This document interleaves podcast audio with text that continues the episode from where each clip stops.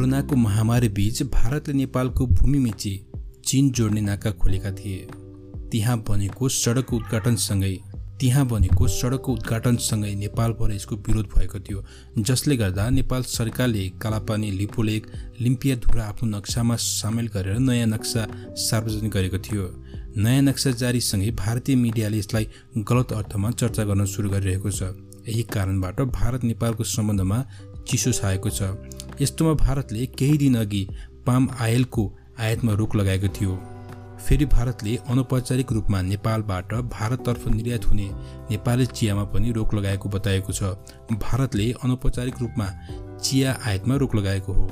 पाँच वर्ष अघि भूकम्पले तहस नहस भएको बेलामा पनि भारतले नेपालमा निर्यात रोक लगाएको थियो। अनौपचारिक रूपमा निर्यात रोक लगाउँदा नेपालमा ग्यास र पेट्रोलियम पदार्थ लगायतका वस्तुको अभाव झेल्नु परेको थियो।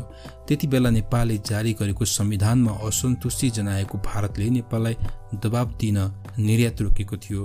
अहिले नेपाली भूभाग मिचेर नयाँ नक्सा जारी गरेपछि नेपालमा त्यसको विरोध सुरु भएको थियो।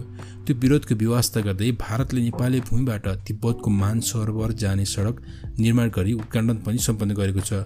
नेपालमा त्यसको विरोध भएको छ। साथै नेपालले भारतले अतिक्रमण गरेको नेपाली भूमि समेटेर नयाँ नक्सा जारी गरेपछि भारत चिडिएको छ। भारतले भूकम्पकै बेलामा अप्नाएको अनौपचारिक नाकाबन्दी अहिले पनि लगाउन सक्ने आशंका गरेकै बेला बिस्तारै त्यही नीति अख्तियार गर्न लागेको सङ्केत देखिएको छ। केही दिन अघि भारतले नेपालबाट निर्यात हुने पाम आयल रोकेको थियो। औपचारिक निर्णय बिना भारतले नेपाली चियाको आयातमा पनि रोक लगाएको उद्योग वाणिज्य तथा आपूर्ति मन्त्रालयको स्रोतले जनाएको छ। चिया व्यवसायीहरूको अनुसार नेपालबाट वार्षिक चार अर्बको चिया निर्यात हुन्छ।